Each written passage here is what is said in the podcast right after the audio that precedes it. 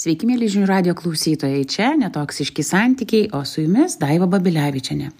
Ir šiandien noriu jums papasakoti, kaip galite padėti savo artimam draugui, kuris, kaip įtarėte, galbūt yra toksiškose, emociškai žlugdančiose, o galbūt net smurtiniuose santykiuose. Tad jeigu pastebite kažkokius tai požymius, o galbūt jau jūsų tas draugas ir ateina ir guodžiasi apie tai, kiek jo santykiai e, jį skriaudžia, užgaulioja ir menkina, tai tikrai yra keli patarimai, kuriais galite vadovautis ir galite padėti tam savo draugui. Bėdoje, taip galima būtų pavadinti. Tai aišku, pirmiausiai turime suprasti, kad būtent jūsų draugas yra tik tas žmogus, kuris gali nuspręsti, tęsti tokius santykius ar nutraukti tokius santykius.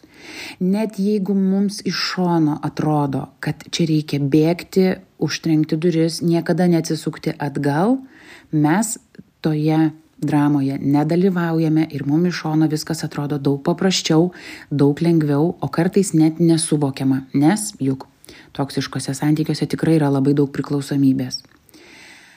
Tad ką tikrai galite padaryti, vietoj to, kad imtumėte ir sakytumėte tiesiog skirkis, kiek čia gali dėjuoti, prim kažkokį sprendimą, turbūt tikrai galite būti kantrus klausytojai.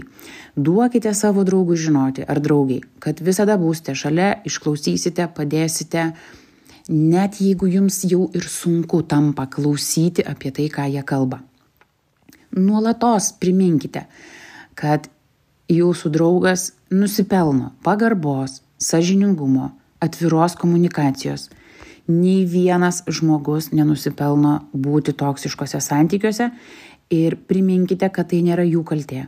Kartais tikrai žmonės susiduria su demonais, narcizais, sociopatais, visiškai emociškai nestabiliais žmonėmis, kurie moka taip užverbuoti ir užmanipuliuoti, kad, na, belieka tik naudoti žodį aukos, tikrai patiki, kad tai yra jų kaltė. Jūsų kaip draugo darbas na ne darbas galbūt iš rūpesčio kilę norai turėtų būti apie tai kad suteiksite paramą emocinę paramą jeigu turite aišku patys resursų ir padėsite surinkti kuo daugiau informacijos apie tai kokie tai santykiai e, tai galėtų būti ir bukletai ir straipsniai ir knygos o jų tikrai dabar yra apstu galite padėti surasti kažkokių paramos grupių ir tiesiog skatinti ieškoti išeities.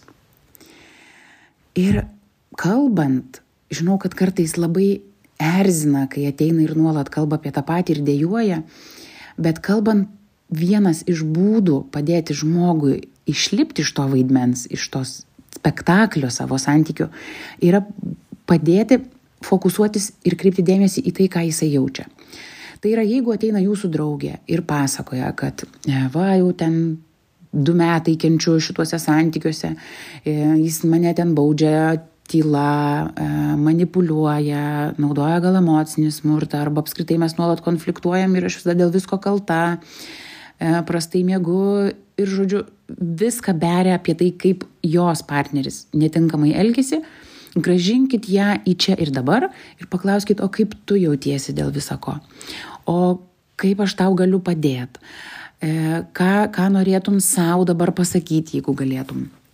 Tai reiškia, mes ką bandom padaryti, nukreipti dėmesį nuo to toksiškojo partnerio į savo draugą, draugę, kuri mums rūpi. Nes toks nukreipimas iš tikrųjų padeda labiau įsisamoninti situaciją ir tai gali nuvesti prie teisingų e, žmogui sprendimų būtinai a, padėkite, jeigu reikia, jeigu jūsų draugas, draugė nusprendžia, kad laikas jau išeiti iš tų toksiškų santykių, būtinai padėkite sukurti saugų išeimo planą. Kur gyvensi, ką darysi, jeigu tave terrorizuos, ką darysi, jeigu manipulacijos nesibaigs, e, kur gali kreiptis, kam gali skambinti. Tai irgi labai svarbu. Kas yra liūdna, kad žmonės, kurie yra toksiškose santykiuose, dažniausiai jie patys irgi jaučiasi jau tiek daug prikalbėję apie tuos santykius ir tai, kad jie nesugeba primti sprendimo, juos kažkiek tai izoliuoja nuo savo draugų. Ir be paramos, be, be to šilumos ir rūpeščio iš savo draugų rato, santykius nutraukti ima pasidaro dar sudėtingiau ir beviltiškiau Todėl mūsų kaip draugų e, pareiga, jeigu mums tas e, draugas tikrai rūpi, būti atrama. Ir tokiu buvimu šalia, e, o ne tik sakant, skirkis ir iš vis atsibodai čia su savo kalbom, mes savo draugam parodom, kad jų problema mums rūpi tiek pat, kiek ir jie patys. Ir visada galima paraginti, e, ieškoti profesionalios pagalbos. Galbūt tai galėtų būti psichologo, psichoterapeuto konsultacijos, kaip ir minėjau, galbūt paramos grupės. Nieko čia gėdingo pasakyti, kad aš nežinau, kaip aš tau galiu padėti, bet jeigu tu žinai, kaip pasakyk ir aš bandysiu.